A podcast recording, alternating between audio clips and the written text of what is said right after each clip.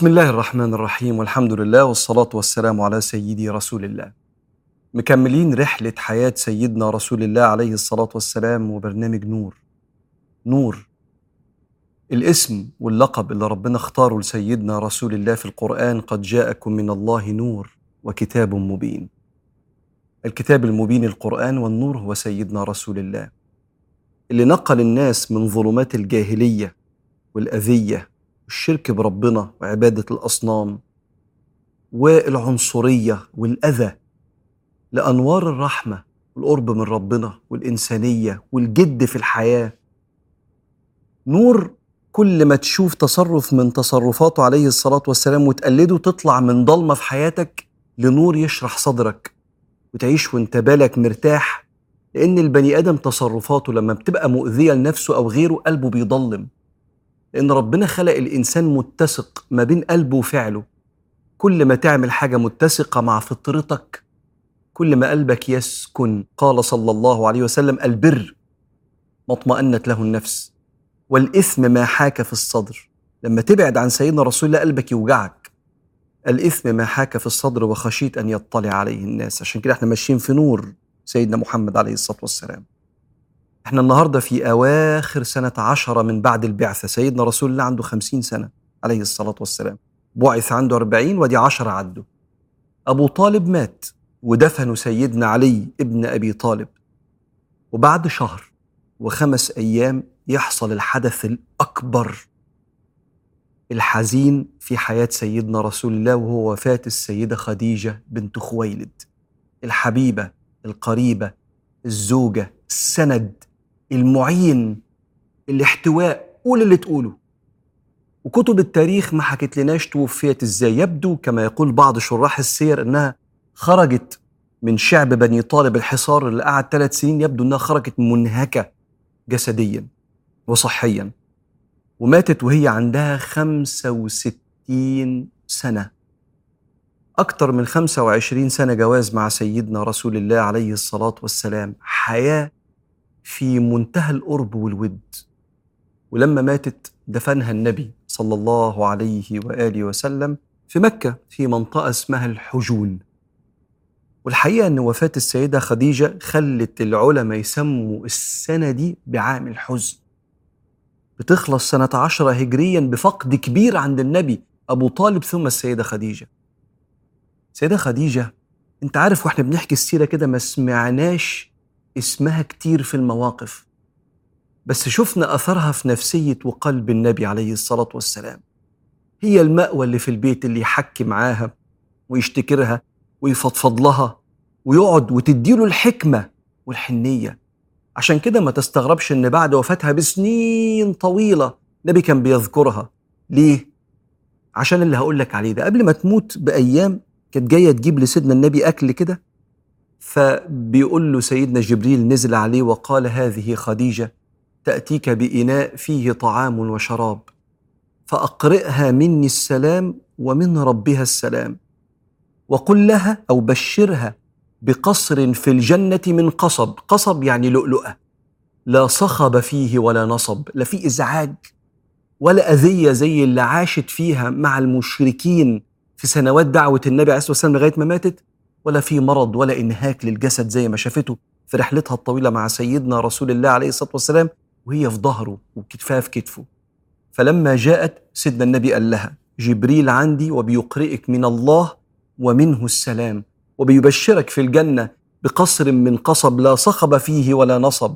فقالت إن الله هو السلام ومنه السلام وعلى جبريل السلام. قمة السكينة والحكمة وتعدي السنين وكانت السيدة عائشة بتقول ما غرت من أحد مثل ما غرت من خديجة. وربما كان النبي صلى الله عليه وسلم يذبح الذبائح فيقطعها ثم يرسلها إلى صديقات خديجة.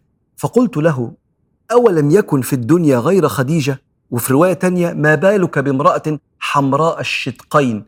قد هلكت في الدهر أبدلك الله خيرا منها.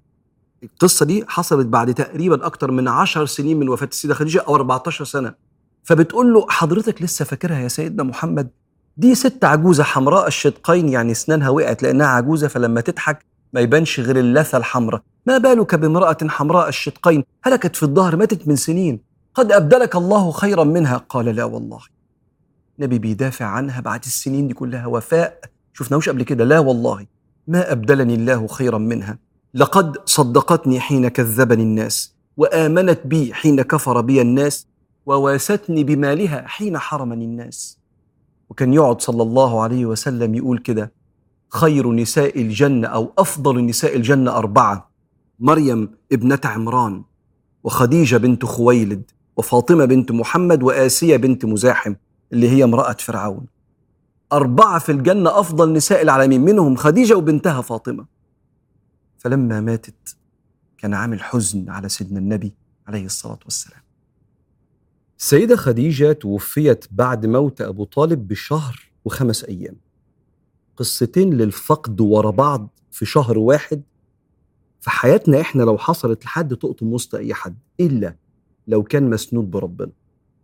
أبو طالب كان في منزلة الأب السند اللي علم النبي رعاية الغنم والتجارة وكان بيحميه من أذى قريش. والسيدة خديجة كانت الأخت والأم والزوجة والصديقة. الاحتواء والاستماع يكفي إن النبي ساب العالم يوم البعثه لما شاف سيدنا جبريل وراح حكى لها هي. تعرف هي كانت مين بالنسبة له. لما يحصل الفقد الكبير ده أنت ممكن تسأل ليه يا رب؟ ليه يحصل كده مع حبيبك؟ زي بالظبط ما أب يموت وبعدين ولاده يزعلوا جدا طبعا لازم يزعلوا. شهرين والأم تموت فيبقى البيت فيه فقد كبير جدا. إحنا عادة ما بنسألش ربنا ليه؟ لأن إحنا ما بنقيمش أفعال ربنا إحنا أقل من كده بكتير.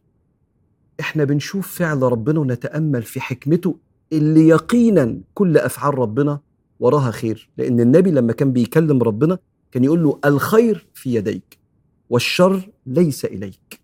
حضرتك ما بتحبش الأذية يا رب. كل أفعالك وعسى أن تكرهوا شيئا وهو خير لكم. فعسى أن تكرهوا شيئا ويجعل الله فيه خيرا كثيرا. قد لا يتصور الإنسان فين الخير لما عم النبي وزوجة النبي ورا بعض ورا بعض كده. اولا لعلها أسوة لبيوت كتيرة حصل فيها فقد ورا بعض كده. ثانيا اسمع ابن عطاء الله اللي بيقول لك إذا أوحشك من خلقه فاعلم أنه يريد أن يفتح لك باب الأنس به. آه الوقفه على باب ربنا وأنت وحيد بتبني في الإنسان مستوى من الصلة بالله والروحانيات بتوديك في حتة تانية خالص في النور اللي أنت ماشي فيه في طريق ربنا. وفي قوتك إنك تعرف تقوم بالله في الدنيا حتى لو ما فيش حواليك حد. إحنا ما نستغناش عن الناس. إحنا ما نستغناش عن الناس. بس ممكن تمر بمرحلة فيها فقد إما بترك وإما بموت. ساعتها بتقف على باب ربنا وبينمو جواك السند بالله بالمهيمن ودي حاجة كل واحد محتاجها فينا وهو ماشي كده في طريق ربنا.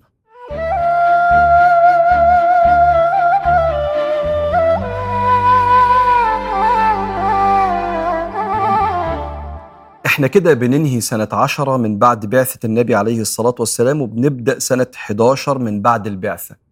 سيدنا رسول الله كده عنده 51 سنة. بعث وهو عنده 40 وادي 11 سنة 51 سنة بحيث تبقى ماشي معانا في رحلة سيدنا النبي عليه الصلاة والسلام. مات أبو طالب وماتت السيدة خديجة. أبو طالب كان بيحمي النبي من جرأة قريش عليه وكانوا أصلا عندهم جرأة شديدة على سيدنا النبي عليه الصلاة والسلام. فلما مات تضاعفت الجرأة ويبقى واقف بيصلي صلى الله عليه وسلم في سكون وسلام عند الكعبة. يجي عقبة بن أبي معيط. نفس الراجل بتاع زمان اللي فتح بطن الجمل الميت سلى الجزور الجزور اللي هو الجمل السلة اللي هي الأمعاء وحطها كده في طشت كده ودلقها على ظهر النبي عليه الصلاة والسلام وهو بيصلي. جات له فكرة شيطانية تانية وسيدنا النبي بيصلي يقوم جاي من وراه وواخد الثوب بتاع النبي عليه الصلاة والسلام زي العباية كده أو الثوب بتاعه يقوم واخد الثوب كده ويخنق سيدنا النبي عليه الصلاة والسلام من وراه. لدرجة إن ممكن من الخنق كده سيدنا النبي عليه الصلاة والسلام ما يستحملش الخنقة دي لغاية ما يجي سيدنا أبو بكر الصديق وكأن أبو بكر الصديق ماشي ورا النبي ما بيغيبش عن عينيه عشان يطمن صاحبه فيشق كل الصفوف ويجري يزق عقبة بن أبي معيط ويدفعه عن رسول الله وهو بيقول أتقتلون رجلا أن يقول ربي الله؟ أتقتلون رجلا أن يقول ربي الله؟ بعد سنين كانوا قاعدين مع سيدنا علي بن أبي طالب بعد استقرار الإسلام وانتشار الإسلام فبيقولوا له ألست أنت أشجع الناس؟ لأن سيدنا علي كان قوي جدا في الحروب. قال لا. ولكن أشجع الناس هو أبو بكر الصديق. كان هو الذي يدفع عن رسول الله من مشركي مكة. ويحكي لهم القصة دي. وسيدنا النبي عليه الصلاة والسلام واقف بيصلي وبيخنقوه وهو الوحيد اللي بيدافع عنه في وسط الناس. وبعدين يقول لهم أسألكم سؤالا من أفضل عند الله؟ مؤمن آل فرعون الذي كان يكتم إيمانه؟ في سورة غافر وقال رجل مؤمن من آل فرعون يكتم إيمانه. أتقتلون رجلا أن يقول ربي الله بك عن سيدنا موسى؟ أم أبو بكر الصديق؟ والله ليوم من حياة أبي بكر الصديق خير من ملء الأرض من مؤمن آل فرعون. فإن مؤمن آل فرعون اللي نزل فيه قرآن ده وربنا اتكلم عنه قرآن يتلى اليوم القيامة مؤمن آل فرعون كان يكتم إيمانه. أما أبو بكر الصديق فرجل استعلن بإيمانه أمام الخلق. مش بس الإيذاء ده ده يبقى سيدنا النبي عليه الصلاة والسلام معدي كده في طرقات مكة يجي واحد بجردل مليان تراب ويقوم حاطه على راس سيدنا النبي عليه الصلاة والسلام. فيدخل سيدنا رسول الله عليه الصلاة والسلام وما كانش نزل قرآن بالجهاد والدفاع عن النفس. إنما ربنا كان بيقول وجاهدهم به جهادا كبيرا به يعني بالقرآن.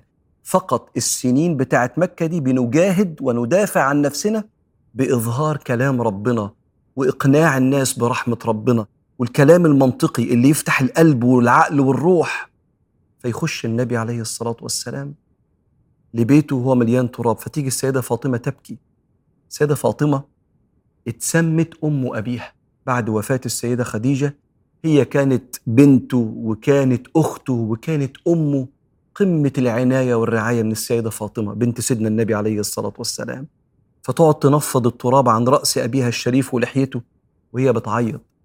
فيقول لها يا بنيتي لا تبكي فإن الله مانع أباك. إن شاء الله ربنا هيحميني ويحفظني. بيسكن بنته اللي شايفة أبوها الكبير 51 سنة. هو بيحصل فيه كده. وهو أشرف الناس وأطيب الناس وأرحم الناس بالمشركين دول. ويبدأ يفكر صلى الله عليه وسلم ويأتيه الوحي من رب العالمين إن إحنا محتاجين نتحرك لمكان تاني نكلم الناس عن ربنا سبحانه وتعالى. وكان القرار بالحركة للطائف. على بعد أكتر من 100 كيلو من مكة. بس كل حاجة ترخص وتسهل في سبيل ربنا. مشاهد إيذاء النبي سواء في إلقاء التراب عليه أو إن حد يدوس على رقبته الشريفة وهو ساجد ولا إلقاء سلل جزور أمعاء الجمل الميت من عقبة بن أبي معيط على ظهر النبي وهو بيصلي. مشاهد فيها معاني مهمة. المعنى الأول إحنا النبي تعب جدا واستحمل جدا عشان نقعد قاعدة زي دي في بلادنا. آمنين بديننا. وبنتكلم عن ربنا وعن سيدنا رسول الله. ننزل من بيوتنا نصلي في الجوامع. نعرف نتكلم عن ربنا من غير ما نخاف إن إحنا يحصل فينا اللي حصل في النبي عليه الصلاة والسلام. فلما يذكر سيدنا محمد ابقى افتكر أكبر معاني التضحية والصبر بنفس طيبة ودعوة للمؤمن وللمشرك كمان إن ربنا يهديه. الحاجة الثانية يعني سيدنا النبي عليه الصلاة والسلام اللي حصل فيه ده رفع لمقامه بس هتكلم علينا إحنا. لما تكون كبير ويحصل فيك موقف يبدو عليه الإهانة معلش معلش ده جزء من رحلة الدنيا. إنك تكرم وتعز والناس تشكر فيك وتقدر مجهودك. وفي بعض الأوقات ممكن إنسان سفيه. أنت يعني عملت أكتر بكتير من اللي هو عمله في الدنيا وأكرمت الناس وكنت جنب الخلق ويجي واحد فعلا سفيه يهينك. معلش. لك في رسول الله صلى الله عليه وسلم أسوة في اللي حصل معاه من مشركين ما عمل لهمش حاجة بيصلي لربنا في بيت ربنا. ويهنوه بالطريقة دي. فاصبر. ولك في سيدنا النبي يمكن ده يبعثك مع سيدنا رسول الله ومن تشبه بقوم فهو منه الحاجة الثالثة اللي عايز أقول لك عليها إهانة الكبار من الشقاء. يعني سيدنا النبي عليه الصلاة والسلام بيقول ليس منا من لم يرحم صغيرنا ويعرف شرف كبيرنا. عقبة بن أبي معيط لما عمل التصرفات دي وإحنا ما بنقولش إهانة للنبي النبي لا يهان صلى الله عليه وسلم عشان تاخد بالك من الألفاظ. بس لما عمل قلة الأدب دي منه في حق سيدنا رسول الله إحنا ما ينفعش نعمل كده مع الكبار. إحنا كمؤمنين ينفعش أبقى قاعد رجلي في وش أبويا ولا صوتي يعلى عليه؟ أصله نرفزني. أو يبقى في واحد عجوز واقف في مترو ولا واقف وأنا أبقى قاعد كده وبسمع السماعات في داني وسايبه ليس منا. دي مش أخلاقنا. من لم يرحم صغيرنا ويعرف شرف كبيرنا. الكبير بتكبر له. من ضمن الأخلاق اللي بقت مفتقدينها في أجيال موجودة دلوقتي إنه ما بيكبرش للكبير. الكبير لما بيتكلم إحنا بنسمع. وبنحترم. ولو قال حاجة غلط إحنا محتاجين نتناقش معاه وإحنا مراعيين سنه وخبرته. هو غلط. لما يقول حاجة كان معلم كان صديق كان قريب ايا كان. بس وأنا بتناقش مع واحد صاحبي فبتكلم براحتي كده إيه بطريقتنا غير لما اتناقش مع واحد أكبر مني. حتى لو أنا الصح 100% وهو الغلط 100% أراعي فرق السن. يا أخي بالحديث يقول إن الله يستحي أن يعذب ذي الشيبة المسلم. فلما واحد يشيب ويكبر كده لا إحنا بنكبر له وبنحترمه وده خلق في أجيال محتاجة إنها تعيش بيه وتعيش في نور سيدنا النبي عليه الصلاة والسلام.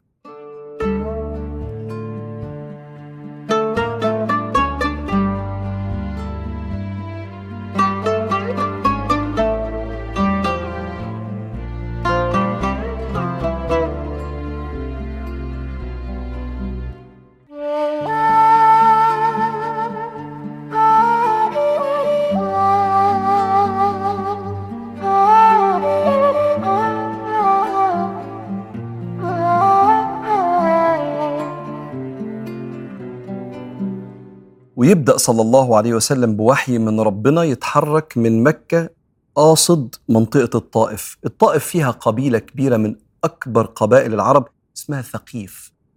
أخذ معاه زيد بن حارثة اللي وقتها النبي كان متبنيه وكان اسمه زيد بن محمد وبدأ يتحركوا. والعلماء بيقولوا إن سيدنا النبي عليه الصلاة والسلام راح مشي لأنه كان لو كان راكب على الراحلة بتاعته ممكن مكة تفهم إنه مسافر فممكن تتبعه فما حبش صلى الله عليه وسلم إنه يلفت نظر حد فخارج مع ابنه بره مكة فالناس شافته وسابته يتحرك.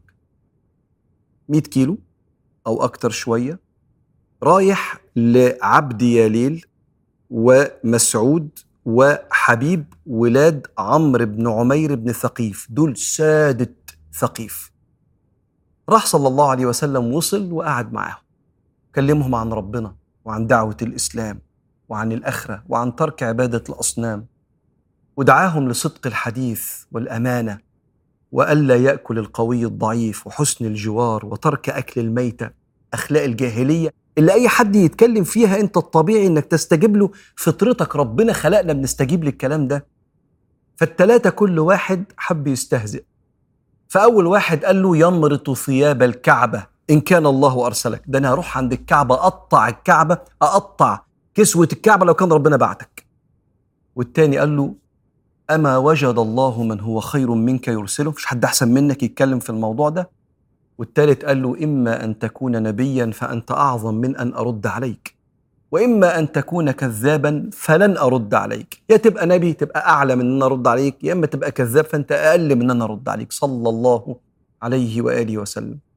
فسكت النبي وقال إذا اكتموا عني. لأن كنت لو بعتوا لمكة إن أنا جيت أتكلم معاكم يفتكروا إن أنا جاي بستقوي بيكم على حرب مكة وأنا مش قاصد. أنا بس بدعوكم إلى الله بعد ما قلوب مكة اتقفلت عن دعوة الإسلام. قالوا له نسكت ونكتم عنك. ده إحنا هنبعت اللي يقول لمكة أنت كنت عندنا. ده إحنا مش هندخلك بلدك تاني. ثم أغروا أغروا يعني استفزوا شجعوا. أغروا الصبيان السفهاء والمجانين والناس الهايفة. إن هم يجروا ورا النبي وزيد بن حارثة ويقعدوا يصيحوا. عارف لما في حالنا إحنا عارف لما حد يتزف يحفله على حد؟ جريوا ورا سيدنا النبي اللي بيضرب بالطوب واللي بيضرب بالتراب والصوت عالي واللي بيشتم. فانطلق النبي عليه الصلاة والسلام هو وزيد بن حارثة بيقول سيدنا النبي فلم أستفيق إلا في قرن الثعالب. منطقة بره ثقيف عمالين نجري ويضربونا بالطوب. راس سيدنا زيد بن حارثة اتفتحت ورجل النبي اتعورت عليه الصلاة والسلام. ما سابوناش إلا لما دخلنا حائط لعتبة وشيبة بن ربيعة. عتبة وشيبة بن ربيعة من سادات مكة المشركين. لكن كان ليهم بستان قريب كده من الطائف لأن الطائف كانت درجة حرارتها أحسن شوية. فكان ليهم بستان. البستان لما يبقى حواليه سور يسمى حائط. فقعد صلى الله عليه وآله وسلم هو وزيد بن حارثة اللي دماغه مفتوحة فشيبه بن ربيعه وعتبة بن ربيعه سيدنا النبي ليه هيبة. ليه هيبة وليه عظمة وليه سكينة ووقار. فصعب عليهم. فراحوا لولد بيشتغل عندهم اسمه عداس. قالوا له يا عداس خد شوية العنب دول وحطهم في طبق واذهب لهذا الرجل فأطعمه. فراح عداس وقعد تحت رجل النبي عليه الصلاة والسلام.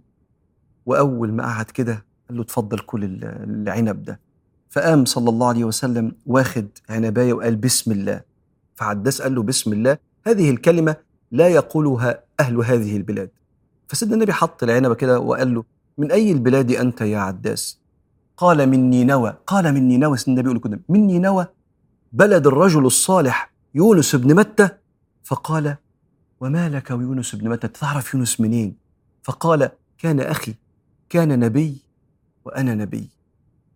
راوي القصة بيقول فانكب عداس على قدم ويد ورأس النبي يقبلها ويشهد أنه رسول الله. فعتبة بيقول لشيبة لقد أفسد عليك غلامك. شفت بقى؟ هو التانية هو دخل في الإسلام أهو بوظ لنا الراجل كلامه يعني صلى الله عليه وآله وسلم. لقد أفسد عليك غلامك.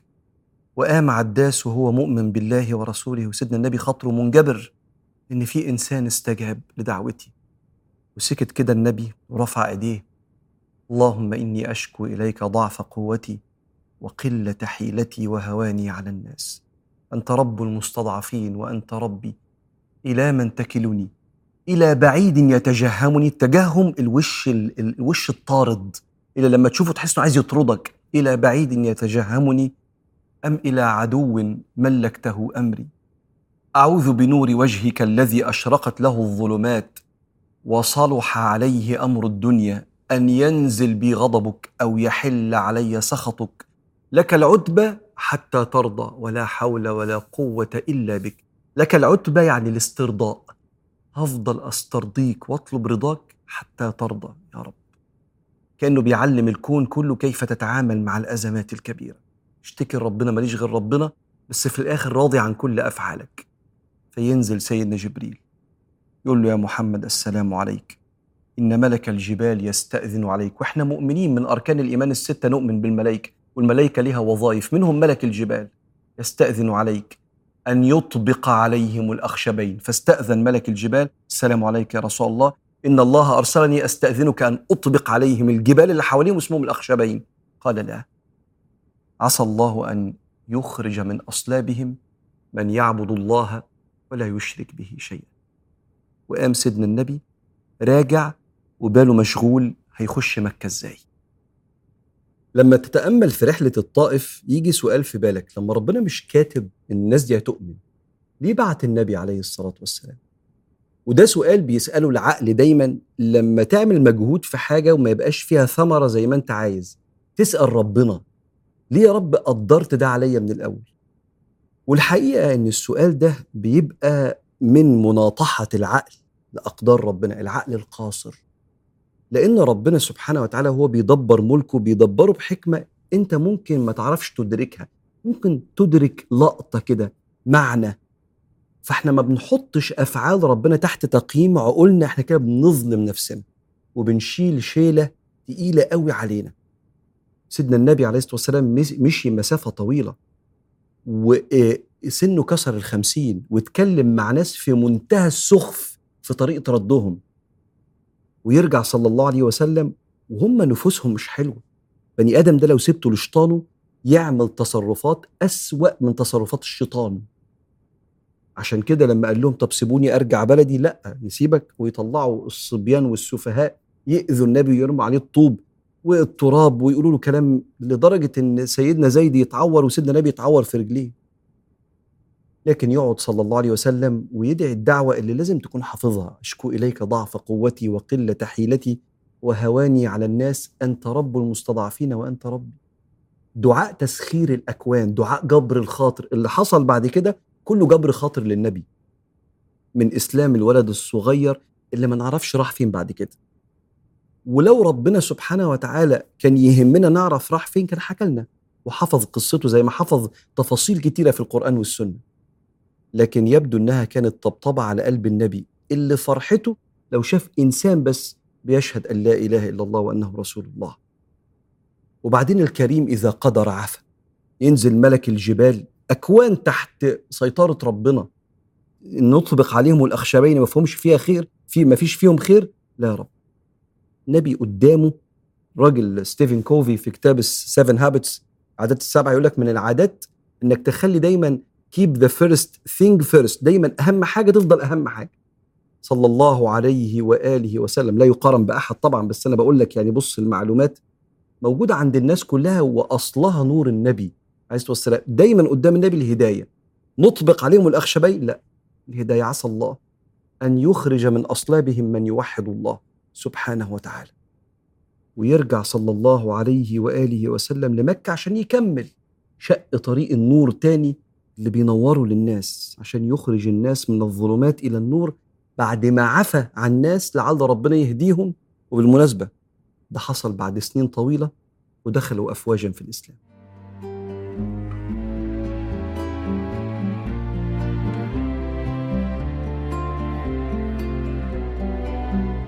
ويرجع صلى الله عليه وآله وسلم وزيد بن حارثة من الطائف وفي الطريق بالليل يقف سيدنا النبي يصلي عليه الصلاة والسلام كعادته.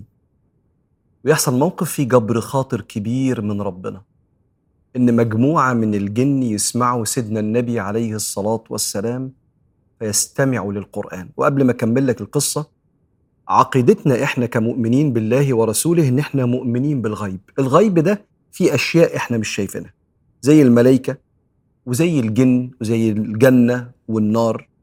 والجن مخلوق زي الإنسان مخير ومخاطب بدعوات الأنبياء. لو تسمع كلمة كده مشهورة إن رسول الله بعث إلى الثقلين. إيه الثقلين؟ الجن والإنس. وهم ليهم في الآخرة جنة ونار. وربنا يتكلم عليهم في صور كتيرة في القرآن منها أشهر صورة في الجزء 29 صورة الجن. وأن منا المسلمون ومنا القاسطون فمن أسلم فأولئك تحروا رشدا. وأما القاسطون فكانوا لجهنم حطبا. وأن لو استقاموا على الطريقة لأسقيناهم ماء غدقا. الجن عالم كامل.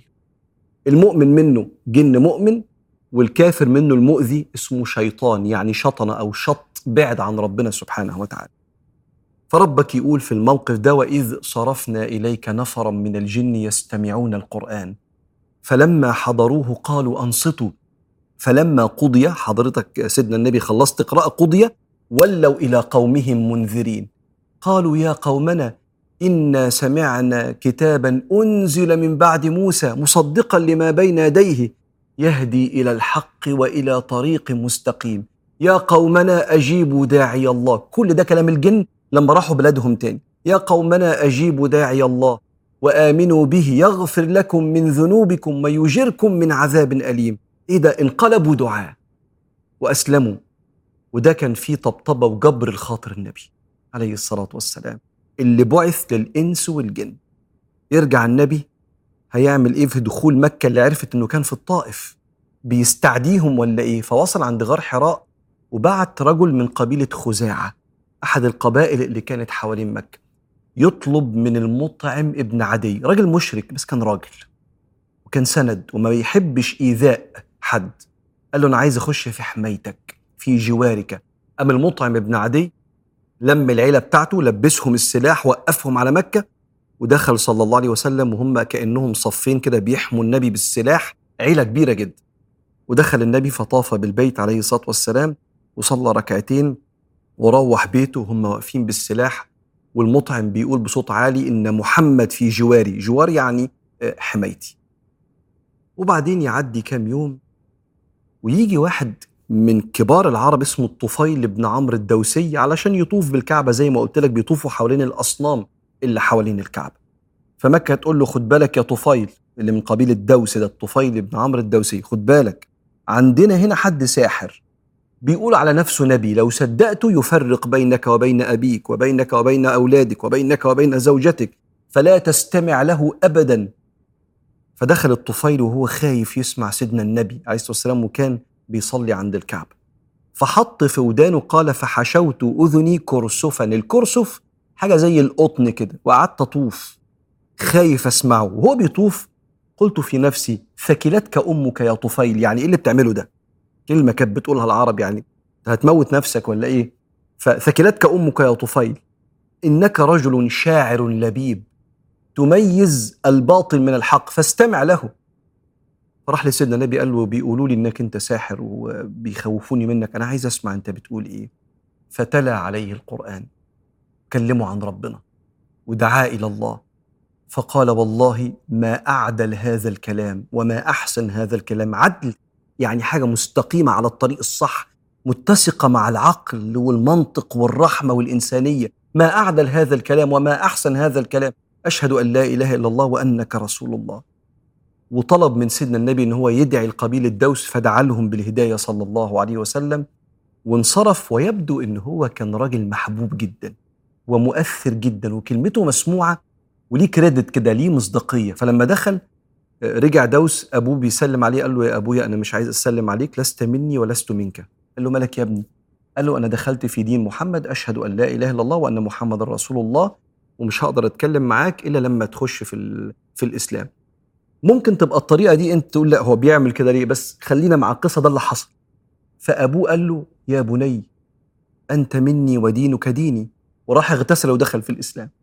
وبعدين الطفيل بن عمرو الدوسي مراته جات له قال لها لست مني لست مني ولست منك آه، حتى تدخلي في الإسلام. أنا بشهد أن لا إله إلا الله محمد رسول الله. فقالت له يا طفيل أنت مني وأنا منك وديني هو دينك فقال لها اغتسلي وخشي في الإسلام. كأنه كده الظاهر كان عنده مكانة كبيرة في قلوبهم فلما بيعمل أي حاجة بيمشوا وراه لقمة الثقة في الطفيل بن عمرو الدوسي. وكان الموقف ده جبر الخاطر سيدنا النبي عليه الصلاة والسلام بعد المشهد الصعب. اللي شافه في الطائف صلى الله عليه وسلم عشان تبدأ مرحلة جديدة من جبر خاطر النبي لكن مش في الأرض إنما المرة الجاية في السماء. قصة إسلام الجن دي اولا طبعا ربنا حفظها لنا وهي كانت غيب يعني لو ربنا ما حكاهاش ما كناش نعرفها حكاها ربنا في سورة الأحقاف وحكاها في سورة الجن. سورة الأحقاف وإذ صرفنا إليك نفرا من الجن يستمعون القرآن.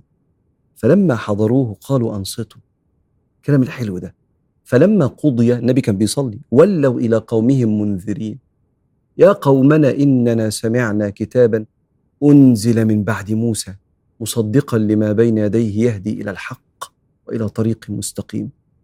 الآية الثانية في سورة الجن قل أوحي إلي أنه استمع نفر من الجن فقالوا إنا سمعنا قرآنا عجبا. إيه الحلاوة دي؟ يهدي إلى الرشد، الرشد عكس الغواية. الرشد زي الهداية كده. يهدي إلى الرشد فآمنا به ولن نشرك بربنا أحدا. حرمش نفسك من سماع القرآن ولو 20 دقيقة في ال 24 ساعة أنت بتنام 8 ساعات صاحي 16 ساعة هات ساعة منهم اقسمها لثلاثة واسمع تلت ساعة قرآن في ودانك بقى في بيتك وانت ماشي وانت رايح بس خلي قرآن ربنا نور ربنا يخش كده من ودانك لقلبك كده علشان ينور لك طريقك ورا سيدنا النبي عليه الصلاة والسلام. وإن شاء الله تقرأ صفحتين في اليوم فتختم القرآن في سنة. طبعا يا ريت نختم القرآن في كل شهر جزء في اليوم يا رب. بس اللي ما يقدرش لأنه مشغول أو ايا كان اقرأ صفحتين في خمس دقائق اختمه مرة في السنة. ومرة في رمضان بقى تبقى جدع قوي وما تبقاش هاجر للقرآن على أقوال الأحناف. حاجة التانية الطفيل بن عمرو الدوسي اللي لسه أحكي لك عنه من شوية كان حاطط قطن في ودانه وبعدين قال إيه ده؟ هو أنا ليه ما بسمعش محمد؟ وهو لما هو بيشيل القطن كده بتخيل ناس كتير مننا حاطة قطن في ودانها؟ وعنده كده حاجز بينه وبين السنة بينه وبين النبي عليه الصلاة والسلام بين نور النبي بينه وبين التدين. ما بحبش المشايخ ومش عايز أسمع من حد أنا عندي أنا طريقي مع ربنا. حلو إنك أنت يبقى عندك طريقك مع ربنا بعد ما تتعلم وبعد ما يبقى عندك القدر اللي تعرف تشوف بيه الطريق كده وسيدنا النبي بيوريه لك عليه الصلاة والسلام. تركت فيكم ما إن تمسكتم به لن تضلوا بعدي أبدا. فاللي مننا حاطط ودن حاطط قطن في ودانه وباعد كده عن طريق سيدنا رسول الله بقول لك شيل القطن ده كده وابدأ اسمع. نقي حد بتحبه كده واسمع كده وقرب لربنا وقرب لسيدنا محمد في حتت مضلمة كتير في حياتك وفي قلبك هتنور. وصدقني. وإذ صرفنا إليك نفرا من الجن يستمعون القرآن فلما حضروه قالوا أنصتوا. فلما قضي ولوا إلى قومهم منذرين. قالوا يا قومنا قالوا يا قومنا إنا سمعنا كتابا أنزل من بعد موسى مصدقا مصدقا لما بين يديه يهدي إلى الحق وإلى طريق مستقيم. يا قومنا يا قومنا أجيبوا داعي الله. أجيبوا داعي الله وآمنوا به يغفر لكم من ذنوبكم يغفر لكم من ذنوبكم ويجركم من عذاب أليم. ومن لا يجب داعي الله فليس بمعجز في الأرض وليس له من دونه أولياء. أولئك في ضلال مبين.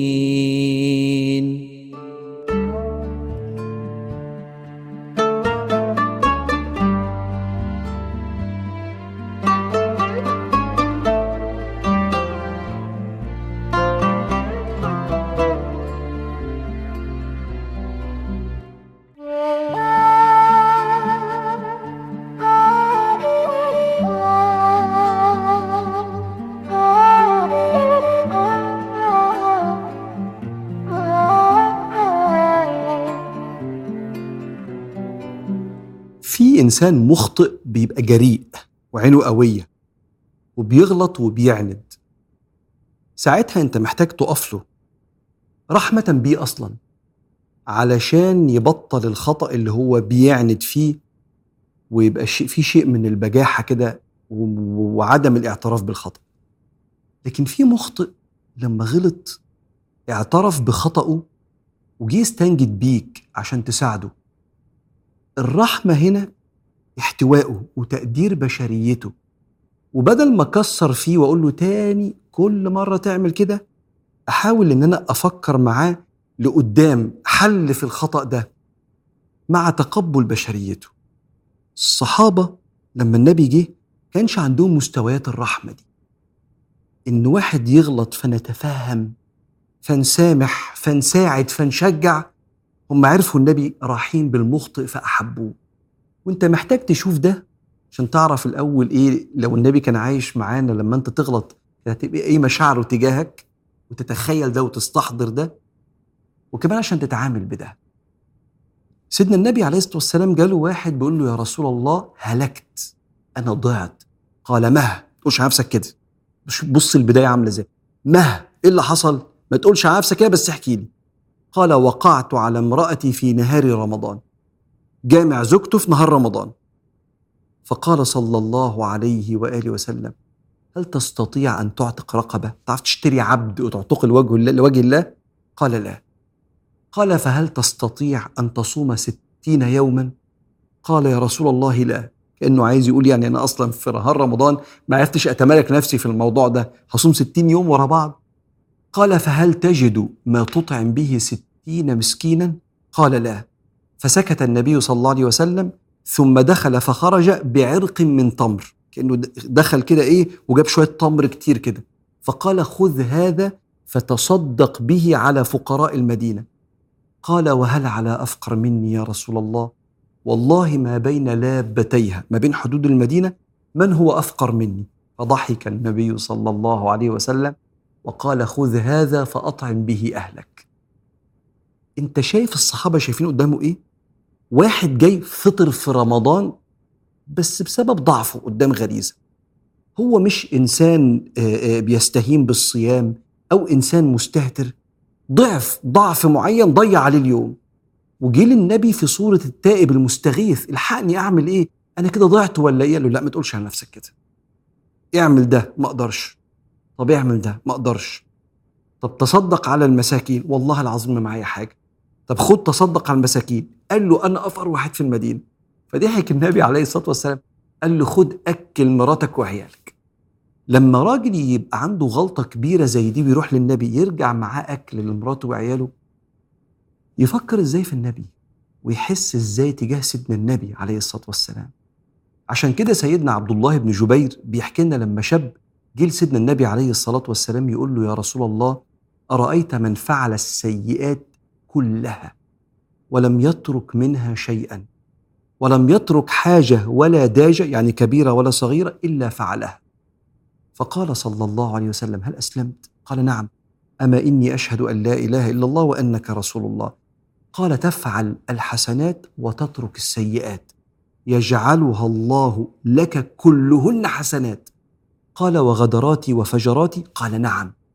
فأدبر الشاب وهو يقول الله أكبر الله أكبر حتى توارى. شاب داخل عارف اللي بيعري نفسه قدام الناس يقول له يا سيدنا النبي أنا ما فيش حاجة ولا كبيرة ولا صغيرة سبتها. فهل يعني أنا ليا مكان عند ربنا يعني؟ فقال له أنت مسلم؟ قال له آه ده أنا مسلم. قال له خلاص. تكمل حياتك بتعمل حسنات وتبعد عن السيئات على قد ما تقدر. قال له والمصايب اللي فاتت قال له والمصايب اللي فاتت كلها يقلبها حسنات. ما هو النبي بيحكي له عن الآية اللي في خواتيم سورة الفرقان. إلا من تاب وآمن وعمل عملا صالحا فأولئك يبدل الله سيئاتهم حسنات. أنت بس اللي كنت بعيد عن ربنا. أنت لو جيت له وكملت كده كل اللي فات الحسنات تبقى حسنات والسيئات تتقلب حسنات. فالولد من رحمة النبي بيه فضل لغاية ما اختفى بيقول الله أكبر الله أكبر كأنه بيقول له يا سيدنا النبي شكرا عرفتنا على كرم الكريم ورحمة الرحيم سبحانه وتعالى. عشان كده أنا فرحت جدا لما كنت بدور على هو النبي قال إيه لسيدنا الفضل بن العباس لما كان معاه وراكب وراه في يوم حجة الوداع في يوم عرفة والست المرأة الخثعمية جت تسأل النبي سؤال عن الحج والفضل بن العباس هي كانت شكلها حلو عمال يبص لها كده والنبي يتاخر آه، وشه والفضل يرجع يبص لها. كنت متأكد إن النبي قال له حاجة بعد ما مشي. لأن الحديث بتاع سيدنا الفضل وهو لها خلص من غير ما النبي يقول له حاجة. فوأنا بدور كده لقيتها. سيدنا النبي يقول للفضل يا فضل إن هذا اليوم من ملك فيه سمعه وبصره ولسانه غفر له. بص الرحمة بالمخطئ. ثم عرفوا النبي كده. يعني هو راكب ورا النبي عليه الصلاة والسلام وبيبص البنت في يوم عرفة وإحنا محرمين. وصاحبك اللي راكب جنبك النبي في حد يعمل كده؟ آه في إنسان ممكن يعمل كده وإنسان من سيد الناس. الفضل بن العباس بن عم النبي صحابي. إنسان ممكن يغلط. والنبي يقول له يا فضل اليوم ده بس املك سمعك وبصرك ولسانك وشوف ربنا يعمل معاك إيه. كأن سيدنا النبي دايما عليه الصلاة والسلام بينقلهم لقدام بدل ما يقعد يكسر فيهم ويبكت فيهم ويخوفهم إن ربنا مش هيقبلهم يقول له بص يا ابني اعمل واحد اتنين تلاتة وربنا هيكرمك. فكل واحد غلط يروح وهو مردودة ليه نفسه اللي فقدها وفقد الثقة فيها لما بيغلط. عشان كده هم عرفوه رحيما بالمخطئ فأحبوه.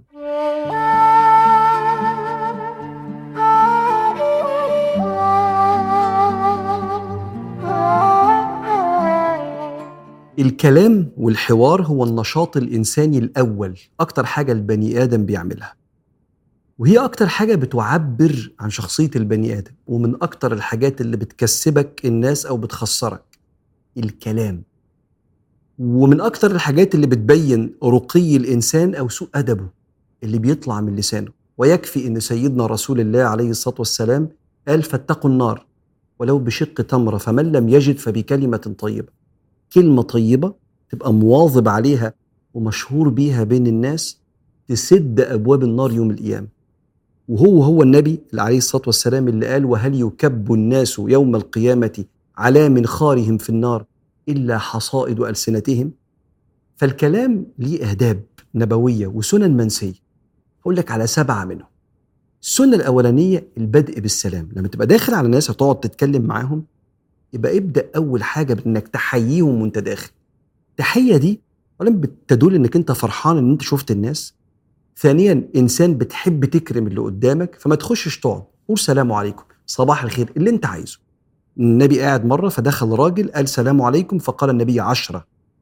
واحد تاني دخل قال السلام عليكم ورحمة الله قال النبي عشرون. واحد تالت السلام عليكم ورحمة الله وبركاته قال النبي ثلاثون. تاخد عش عشرة أو عشرين أو ثلاثين حسنة والحديث ده في الأدب المفرد للإمام البخاري. فابقى صبح على ناس أو سلم عليهم وأنت في بداية وده من حسن الكلام في بداية مقابلة الناس. السنة التانية هي الكلام بتؤدة وما تتكلمش بسرعة قوي. الكلام بتؤدة دليل الثقة بالنفس والكلام بسرعة مش مريح. وياما ناس أنا واحد منهم كنت دايما بتكلم بسرعة لغاية ما مرنونا وعلمونا وفهمونا مشايخنا في العلوم الشرعية وأساتذتنا في العلوم الإنسانية واحدة واحدة عشان ده بيسيب انطباع مش جيد. السيدة عائشة بتقول كان النبي صلى الله عليه وسلم لا يسرد كلامه كسرد أحدكم إنما كان يتكلم بكلام فصل يحفظه كل من يجلس وإذا أردت أن تحصي كلامه لأحصيته. عايز تعد؟ قال إيه؟ كلام واضح كده. فحاول إنك أنت تتأنى تتكلم وتسكت وتتكلم وتسكت ده من الآداب والسنن النبوية اللي ساعات بتتنسي. من الآداب والسنن النبوية المنسية إنك لما تتكلم تتفنن في انتقاء أشيك المفردات. يعني لو في كلمة وكلمة في كلمة أشيك قولها. النبي كان بيعمل كده. النبي لما حد كان بينده عليه كان بيقول له لبيك. كان بيقول له ها أم. عارف يعني إيه لبيك؟ يعني زي عينيا كده. ها أم تشبه كده أنا موجود. عارف لما تقول واحد عينيا تحت أمرك؟ حاجات شبه فيها المعاني دي. معنى إنك أنت لما ندهت عليا أنا دايما جاهز. كنت أعرف واحد لما حد يقول له آه، كنت عايز أشوفك يقول له جيت لك. يعني خلاص اعتبرني عندك خلاص. قال صلى الله عليه وسلم من كان منكم يؤمن بالله واليوم الآخر فليقل خيرا أو ليصمت. وكان سيدنا عمر يقول إن هو يحب أن يجلس مع أناس ينتقون أطايب الكلام. كما تنتقون أنتم أطايب التمر. زي ما بتنقي الفاكهة أو البلحة الحلوة وتبعد عن اللي مش حلوة نقي أشيك الكلام. السنة اللي بعد كده وهي سنة عدم التناجي إذا كنا ثلاثة فلا يتناجى اثنان دون الآخر. من أجل أن ذلك يحزنه. النبي قال كده إذا كنتم ثلاثة فلا يتناجى رجلان دون الآخر. نتك- نتودود واحد قاعد إحنا الاثنين ذلك يحزنه. ولا تفعلوا ذلك إلا بعد أن تخالطوا الناس. لما يبقى في ناس كتير قاعدة يبقى خد واحد على جنبه واتكلم معاه. لكن لو ثلاثة ما ينفعش اتنين مع بعض ويسيبوا واحد ده بيحزن الشخص. الثالث ويشعره بعدم الاكتراث والاهتمام. أما السنة المنسية في آداب الحوار والكلام رقم ستة هي الحضور مع من يكلمك. بنحاول إن إحنا نبقى بكل يعني حواسنا لأن ده بيشعر اللي قدامك بالاهتمام. ويشعره بالتقدير. أنا بتكلم يعني أنا بقول حاجة فأنا عندي عقل بيقول كلام محترم فاللي قدامي مركز. لكن لو أنا بتكلم بعبر عن نفسي واللي قدامي باصص في تليفونه مش مركز بيقاطعني بشكل مش لطيف لا بيشعر البني آدم إن كلامه ملوش قيمة. والكلام بيعبر عن شخصيتك يعني شخصيتك ملهاش قيمة. وكان النبي صلى الله عليه وسلم يعطي جلساءه كل واحد منهم بنصيبه حتى يظن كل جليس أنه أكرم الناس على رسول الله. وإذا صابره أحد قاومه النبي وصابره حتى يكون الرجل هو المنصرف. يعني واحد جاي يحكي للنبي موضوع النبي عليه الصلاة والسلام قاعد بيسمع مركز لغاية ما اللي قدامه يشبع ويمشي. فالحضور سنة نبوية مهمة جدا منسية من ساعة ما التليفونات طلعت. سنة تانية مهمة جدا في الحوار والكلام نسيت أقولها لك وهي سنة ترك الجدال. ترك الجدال الجدال هو تكرار الكلام بهدف الانتصار وإثبات إن اللي قدامك كان غلط. حتى لو هو فهم إن وجهة نظره كانت مختلفة أو غلط أقعد أروح واجي كأني عايز أقول له انت كنت كنت غلط. أنت ما كنتش فاهم. أنت ليه بتفكر كده؟ الجدال ده مزعج جدا وبيفرق النفوس وبيخلي البني آدم اللي يجي يتكلم معاك بعد كده مش عايز يتكلم معاك ومش عايز يحكي معاك يتجنبك. لأن الكلام يا إما بينزل بردا وسلاما يا إما بيطول وبيبقى تقيل على القلب. وسيدنا النبي عليه الصلاة والسلام يقول كده أنا زعيم ببيت في رياض الجنة لمن ترك الجدال وإن كان محقا. قول وجهة نظرك اللي قدامك سمعك تمام. عدي خش في موضوع تاني. ما تقعدش تلف وتدور في نفس الموضوع عشان تقول على فكرة أنت كنت بتفكر غلط صح؟ كأنك عايز تأكد حاجة. أما الأدب النبوي والسنة المنسية الأخيرة وهي المقاطعة. لما بتقاطع واحد كأنك بتقول له أنا زهقان قصر. كأنك بتقول له كلامك ملوش وزن فأنا عندي كلام وأنت عندك كلام مع إن هو اللي بيتكلم بس أنا هقطع كلامك. أنت ممكن ما تبقاش قاصد كده بس ده المعنى اللي بيستقر في وجدان اللي قدامك إنه لما بتقاطعه كأنك حرمته من حقه في التعبير. سيدنا محمد عليه الصلاة والسلام كان بيتكلم مع الصحابة فقام واحد من الأعراب قال يا رسول الله متى الساعة؟ فسكت النبي ثم أكمل حواره. وبعدين بعد ما خلص الموضوع اللي بيتكلم فيه قال أين السائل؟ قلت أنا يا رسول الله متى الساعة؟ قال إذا ضيعت الأمانة فانتظر الساعة. كأن سيدنا النبي عليه الصلاة والسلام برحمة وهدوء يقول خد بالك أنت ممكن تبقى قاعد مع حد تاني ينهرك أو يقول لك كلام إزاي تقاطعني وفين الأدب ومش عارف إيه. بس النبي برحمته وأبوته. سكت لحظة كده كانوا عايز يكمل كلامه ثم سأل قول لي بقى فين اللي كان بيسأل؟ وأخش معاك في الموضوع بتاعك بعد ما اخلص وحدة الموضوع اللي أنا بتكلم عليه. فدول سبع آداب نبوية وسنن منسية في شيء من أهم الأشياء اللي بيعملهم الإنسان وهو الكلام والحوار. اللهم صل على أشرف موجود وأفضل مولود. صلاة تناسب مقامه العالي ومقداره الغالي. وتعم أهله وأزواجه وأولياءه وأنصاره. اللهم صل عليه وعلى جملة رسلك وأنبيائك وزمرة ملائكتك وأصفيائك. صلاة تعم بركاتها المطيعين من أهل أرضك وسمائك. اللهم اجعلنا ممن أسبلت ستر العرش عليهم ونظرت بعين العناية إليهم وبحولك وقدرتك لا يقدر عليهم. فإنك يا مولانا خير حافظ. وأنت أرحم الراحمين.